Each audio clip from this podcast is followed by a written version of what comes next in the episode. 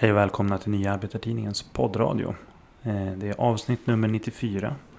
Vi är inne i år 2022. Det är den 15 januari. Jag heter David Kasa. Och eh, med mig har jag Jan Hägglund. Ja, hej. Ja, du har överlevt jul och nyårshelgerna du med. Ja, men inte priserna på diesel. Nej, nej. Nej, nu börjar det ju nästan vara så att eh, man skulle kunna...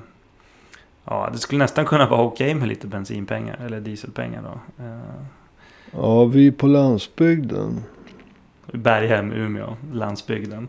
Eh, Ja, men... eh, Alltså, Alltså inte ens jag som kommer från Stockholm tycker att Berghem är landsbygd. Ja, men alltså det lät bra tycker jag. Du bor ju typ närmare stan än vad jag gör nästan. Det lät bra Ja. att säga det. Alltså i stockholmarnas ögon är allting utanför tullarna vischan. Jo, Norrtälje Norrland. Eh, mer Ja. Det säger ju allt om stockholmarnas bristande kunskaper i geografi. Eller snobbism. Jo. Åtminstone de som bor kring Stureplan. Ja, ja. En kombination kanske. Mm. Ja. Just det. Vi eh, tänkte ju dra igång det här valåret med att eh, prata om eh, coronan. Det har ju dragit iväg smittspridningen här i början av året. Och Mm. eh, i- på grund av den här nya omikronen då. Men det, det vi vill rikta blickarna mot det är ju behovet att rusta upp sjukvården.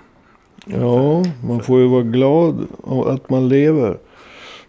Eh, och eh, att rusta upp sjukvården. Det är ju en eh, investering i, i sin egen framtid. Jo, precis. Eh, och jag menar, är det någonting som coronapandemin har visat på ett väldigt brutalt sätt så är det just de bristerna som finns inom sjukvård och äldreomsorg. Efter årtionden av nedskärningar, besparingar. Och, eh, men, men eh, ja, innan vi går in på sjukvården så tänkte jag att eh, det kom ju ett, en larmrapport från Världshälsoorganisationen, WHO, om smittspridningen tidigare i veckan. Vad bestod det här larmet av? Ja, det var ju eh, att eh, det var en tsunami på väg i form av eh, omikronvirusets spridning. Mm. Och det var WHOs, eh, låt oss kalla det Europachef Hans Klyge Just det. Som höll en presskonferens. Ja, det var faktiskt den 11 januari enligt tidningarna. Och ehm, där så rekommenderar, eh, kom det en, en rad rekommendationer när det gäller olika åtgärder. De eh, på WHO hade blivit överraskade över den snabba spridningen av just omikronvarianten som tar över nu. Hur mycket var det de... eh, Alltså vad, vad beräknar de? Hur många skulle smittas? Ja, så man hade ju ett perspektiv av att inom 6 till 8 veckor så kunde hälften av alla människor som bor i Europa ha blivit smittade med covid-19. Mm. Alltså inom 6 till 8 veckor. Hälften av alla som bor i Europa. Det är svindlande siffror. Eh, vad, vad var det... Vad rekommenderade WHO för åtgärder då? Ja, de hade delat upp det hela i länder som ännu inte hade drabbats av omikronvågen. Mm. Och länder som redan hade drabbats av omikronvågen i Europa. Då. Mm. Om vi börjar de som inte hade drabbats. De som hade lite tid på sig.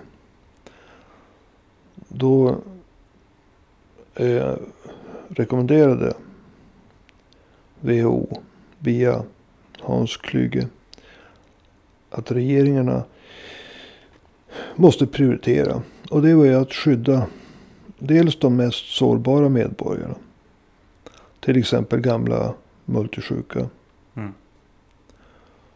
Och samtidigt göra sitt yttersta för att försäkra sig om att de som jobbar inom sjukvården och andra nyckelsektorer är tillräckligt friska för att hålla verksamheterna igång. Mm. Och där det finns tid så måste regeringarna se till att det finns munskydd av hög kvalitet. Som används i all verksamhet som utförs. Speciellt då inomhus. Så att så många människor som möjligt, speciellt personal inom sjukvård och nyckelsektorer. Dessutom blir fullvaccinerade så fort som möjligt. Och det innebär en tredje dos. Hur var det för länder då som Sverige som redan har hamnat i omikronvågen? Ja, det är ju i grunden samma sak. Alltså att eh, man måste skydda de mest sårbara medborgarna. Och jag säger det igen. Det är ju ofta gamla och gamla som, har, som är multisjuka. Mm. Och sen måste man minimera störningarna inom sjukvården. Och nyckelsektorer. Och det kan innebära då att man måste börja prioritera. Och det är ju mycket otäckt. Att låta vissa gå före andra. Man kan inte ta alla samtidigt. Man kanske inte ens kan ta alla. Om hälften av alla medborgare i Europa blir smittade. På ett så kort tidsintervall som mellan 6 till 8 veckor. Om det blir verklighet. Men det handlar ju om att de som är mest utsatta blir vaccinerade först. Mm. Och samtidigt undvika folksamlingar, speciellt inomhus. Mm. Och erbjuda människor att arbeta på distans när det är möjligt. Mm. Tills infektionsvågen har passerat. Just det.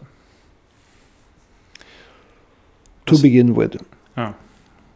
Har de någon, någon råd när det gäller tester? Där har ju Sverige ständigt varit eh, inte direkt i framkant om man ska vara snäll.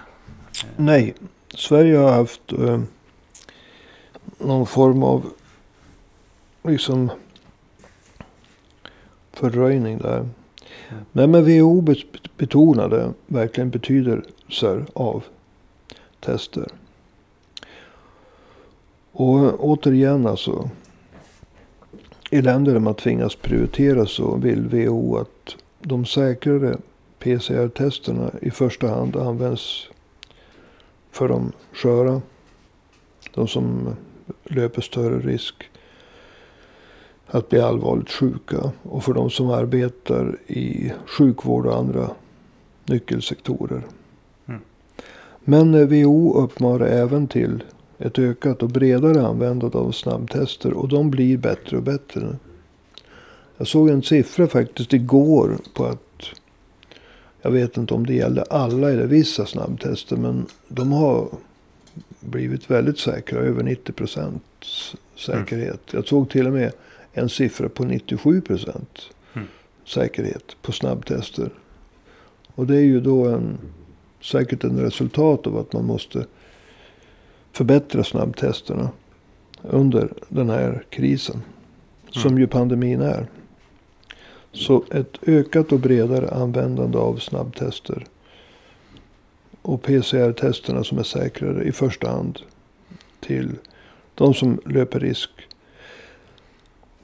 att bli allvarligt sjuka. Och för de som arbetar i nyckelsektorer. Ja, apropå nyckelsektorer. Vi ska ta gå tillbaka till sjukvården då. För att de, de flesta bedömarna tror att det, det, är, en, det är en mildare variant av viruset, den här omikron. Men när det är så pass många som insjuknar eh, så blir det ändå ett... Eh, det utsätter sjukvården för press. Eh, och lå, låt oss gå tillbaka. Om vi tittar på sjukvården i Sverige. Hur var situationen när det gäller antalet vårdplatser före pandemin? Ja, man bör börja med att säga att sjukvården i Sverige. Den var ju pressad redan innan pandemin med vårdköer. Men eh, alltså. Det är ju skamligt att måste säga. Men före pandemin var Sverige det land inom EU som hade lägst antal vårdplatser. Räknat per tusen invånare. Mm. Och eh, det var det land som hade näst lägst antal intensivvårdsplatser Mm. inom EU. Mm. Om, vi, om vi tar vårdplatser i allmänhet. Så mellan åren 1994 och 2017 så halverades antal vårdplatser räknat per tusen invånare. Mm. Och det kan ju delvis förklaras av medicinska landvinningar. Alltså det krävs kortare vårdtider. Men det andra skälet är ju naturligtvis att det handlar om nedskärningar. Ja. Och det drabbar ju naturligtvis brukarna. Alltså vårdköerna har varit ett stående tema de senaste tre årtiondena. Mm. Och det har ju också fört med sig försämrade arbetsvillkor. För de som är anställda inom sjukvården. Mm. Och det har gjort. Det har i alla fall inte gjort det lättare att nyrekrytera till exempel sjuksköterskor. De som inte har farit till Norge. Precis. Eh, du pratade om intensivvårdsplatserna. Eh, att Sverige var näst sämst inom EU. Alltså hur, hur, hur såg situationen ut före pandemin? Ja, alltså där har ju minskningen varit nästan pinsam. Man, man skäms ju att ta upp det här. Men man skäms över Sverige. Alltså antalet intensivvårdsplatser i Sverige har minsk, minskade under 20 år. Alltså från och med 1993 och framåt. Eh, man tog bort sju av åtta intensivvårdsplatser. Mm. Efter 1993. Alltså man gick från 4 300 till 556. Och då pratar vi om intensivvårdsplatser med respiratorer. Mm. Alltså sju Alltså, av åtta togs bort. Kan du ta de där siffrorna igen? Alltså, Ja. Från 1993 och framåt. Jag tror att det var på en period på 20 år. Mm. Så försvann. Så minskade antalet IVA-platser med respiratorer.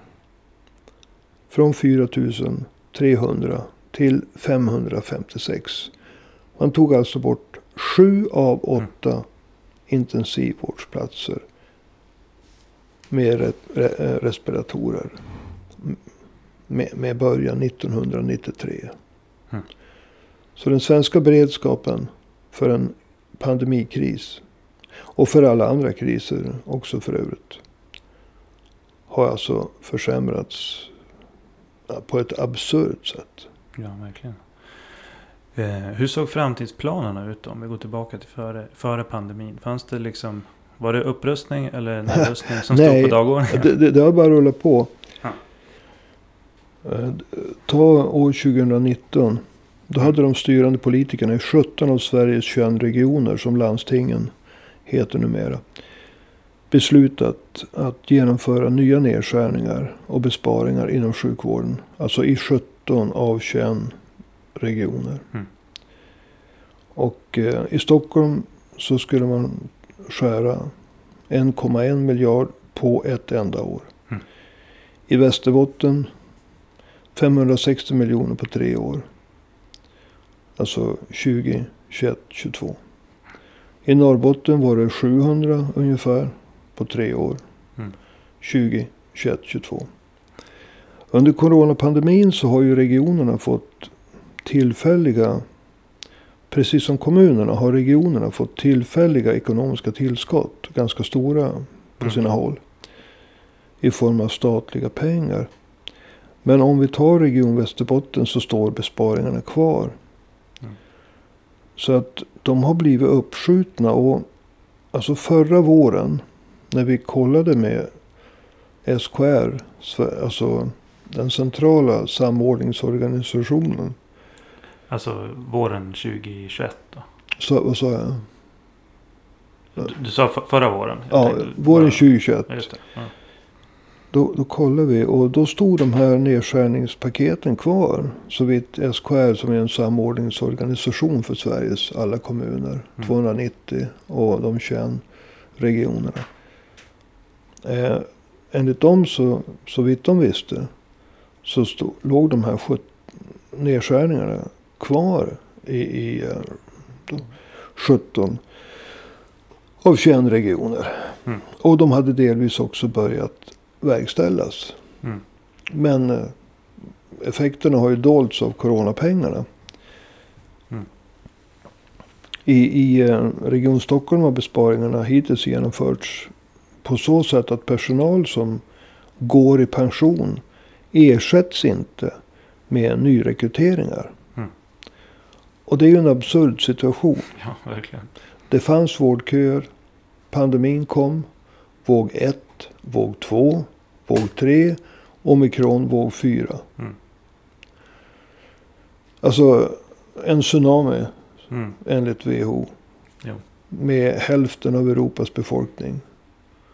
Inom 6-8 veckor. Om de får rätt. Mm. Och även om de inte får 100% rätt. Så, kom, så är det ju redan ett faktum.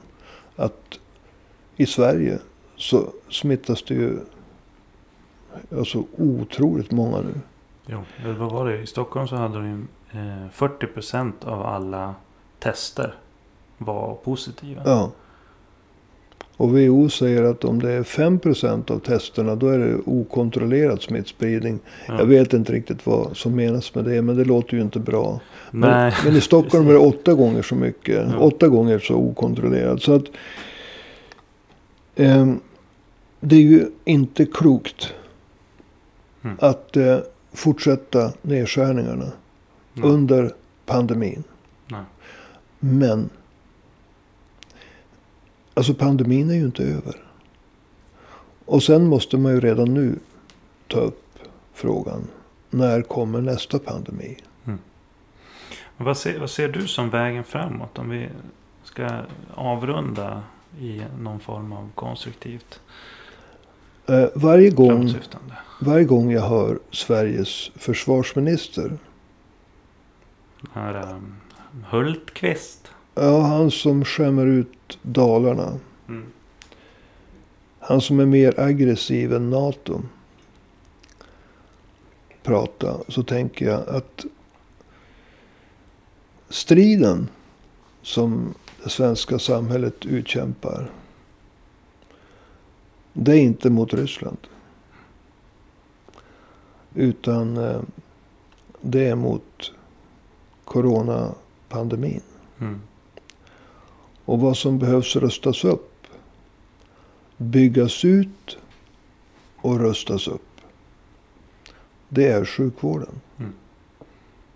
Den behöver inte...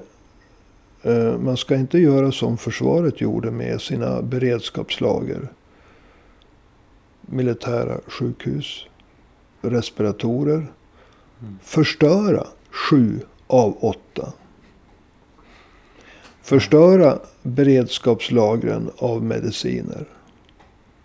Förstöra ofantligt mycket material.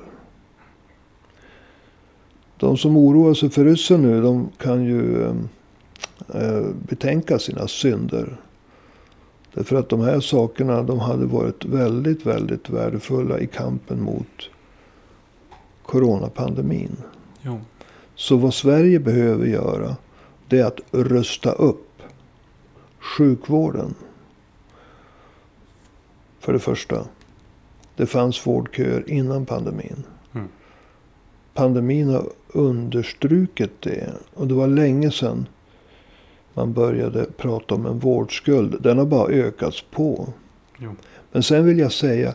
Jag tror inte på att det här är den sista pandemin. jag tror att det här är en del i utvecklingen. Alltså, om jag får spekulera. Jag brukar få fine, any final words. Mm. Alltså, i, i det som ibland man diskuterar, alltså i, miljö, i miljön så finns det många, många utlöpare. Klimatfrågan är en. Pandemin är en annan. Mm. Alltså människans förhållande till naturen. Och eh, jag tror att på samma sätt som, eh, jag har inga vetenskapliga belägg för det här. Men jag tror att på samma sätt som det kommer att bli vanligare med extremväder, översvämningar, torka och så vidare. Mm. Så kommer det att komma pandemi eller pandemiliknande tillstånd allt tätare. Mm. Sjukvården måste rustas upp. Idag är trenden att den fortsätter att rustas ner. Mm. Sverige kan inte vara det land i EU som har minst antal sjukvårdsplatser. Nej. Näst minst antal IVA-platser med respiratorer. Nej, Sverige är ju inte direkt ett av de fattigaste länderna inom EU. Långt ifrån. Nej. Utan det är ett... Och Sverige måste återuppbygga sina beredskapslager. Och det kanske till och med försvarsministern, han som skämmer ut Dalarna, Mm. skulle kunna hålla med om. Fast av fel skäl. Jo. För han oroar sig för att ryssen ska komma. Men eh, vad folk har dött av, det är pandemin. Precis. All right. Är det någonting mer du vill tillägga eller ska vi avrunda där? Eh, ja, jag vill säga att jag är ingen anhängare av Putin. Inte alls. Men jag är inte heller någon anhängare av alarmisten från Dalarna. Mm. Och då menar jag Sveriges försvarsminister. Yes. All right. Men du, eh, då får tacka så mycket för idag då. Ja, Eh, och eh, ja, tacka, tacka gärna genom att ge mig en hacka till eh, tacka med en hacka. diesel, bensin eller diesel eh, eh, drivmedel. Mm. Ja, ja, det är ju väldigt dyrt med diesel faktiskt. Apropå att Sverige sticker ut så är väl just med dieselpriserna är det också ett tillfälle där. Ja, men, men som, som en god medborgare så biter jag ihop Mm. och betalar. Fast eh, ja, den här podden skulle kunna subventionera mina resor till och från poddstudion. Ja, jo. Men då gäller det ju att folk swishar in en slant då. Ja, det är ju en bra metod. Ja, ja. Och så kan ju vi då, om folk har swishat in en eller flera slantar, då kan vi börja diskutera det där med eventuella arvoden och dieselersättning och sånt där. Jag börjar misstänka att det här, vad var det, 274? Det är avsnitt 237 är det. Ja, just det. Jag tror, frågan är ju om man lever så länge. Ja, det är frågan. Eh, hur som helst, eh, vi ska avrunda här. Men du som lyssnar då, om du vill swisha en slant för att stötta podden och eventuellt eh, eh, Jannes eh, behov av dieselpengar så Eh, kan man swisha till nummer 123 504 7105. Alltså 123 504 7105. Och eh, det är ju inget bidrag som är för stort. Utan det är bara gränsen på din eh, Swish-app. Hur mycket du får swisha med den som sätter liksom, gränsen. Så att det är bara att swisha på. Stora som små bidrag. Eh, eller för att använda uttrycket som Janne uppfann här. Tacka med en hacka. Hur som helst, tack för idag. Vi hörs igen nästa vecka. Hej hej.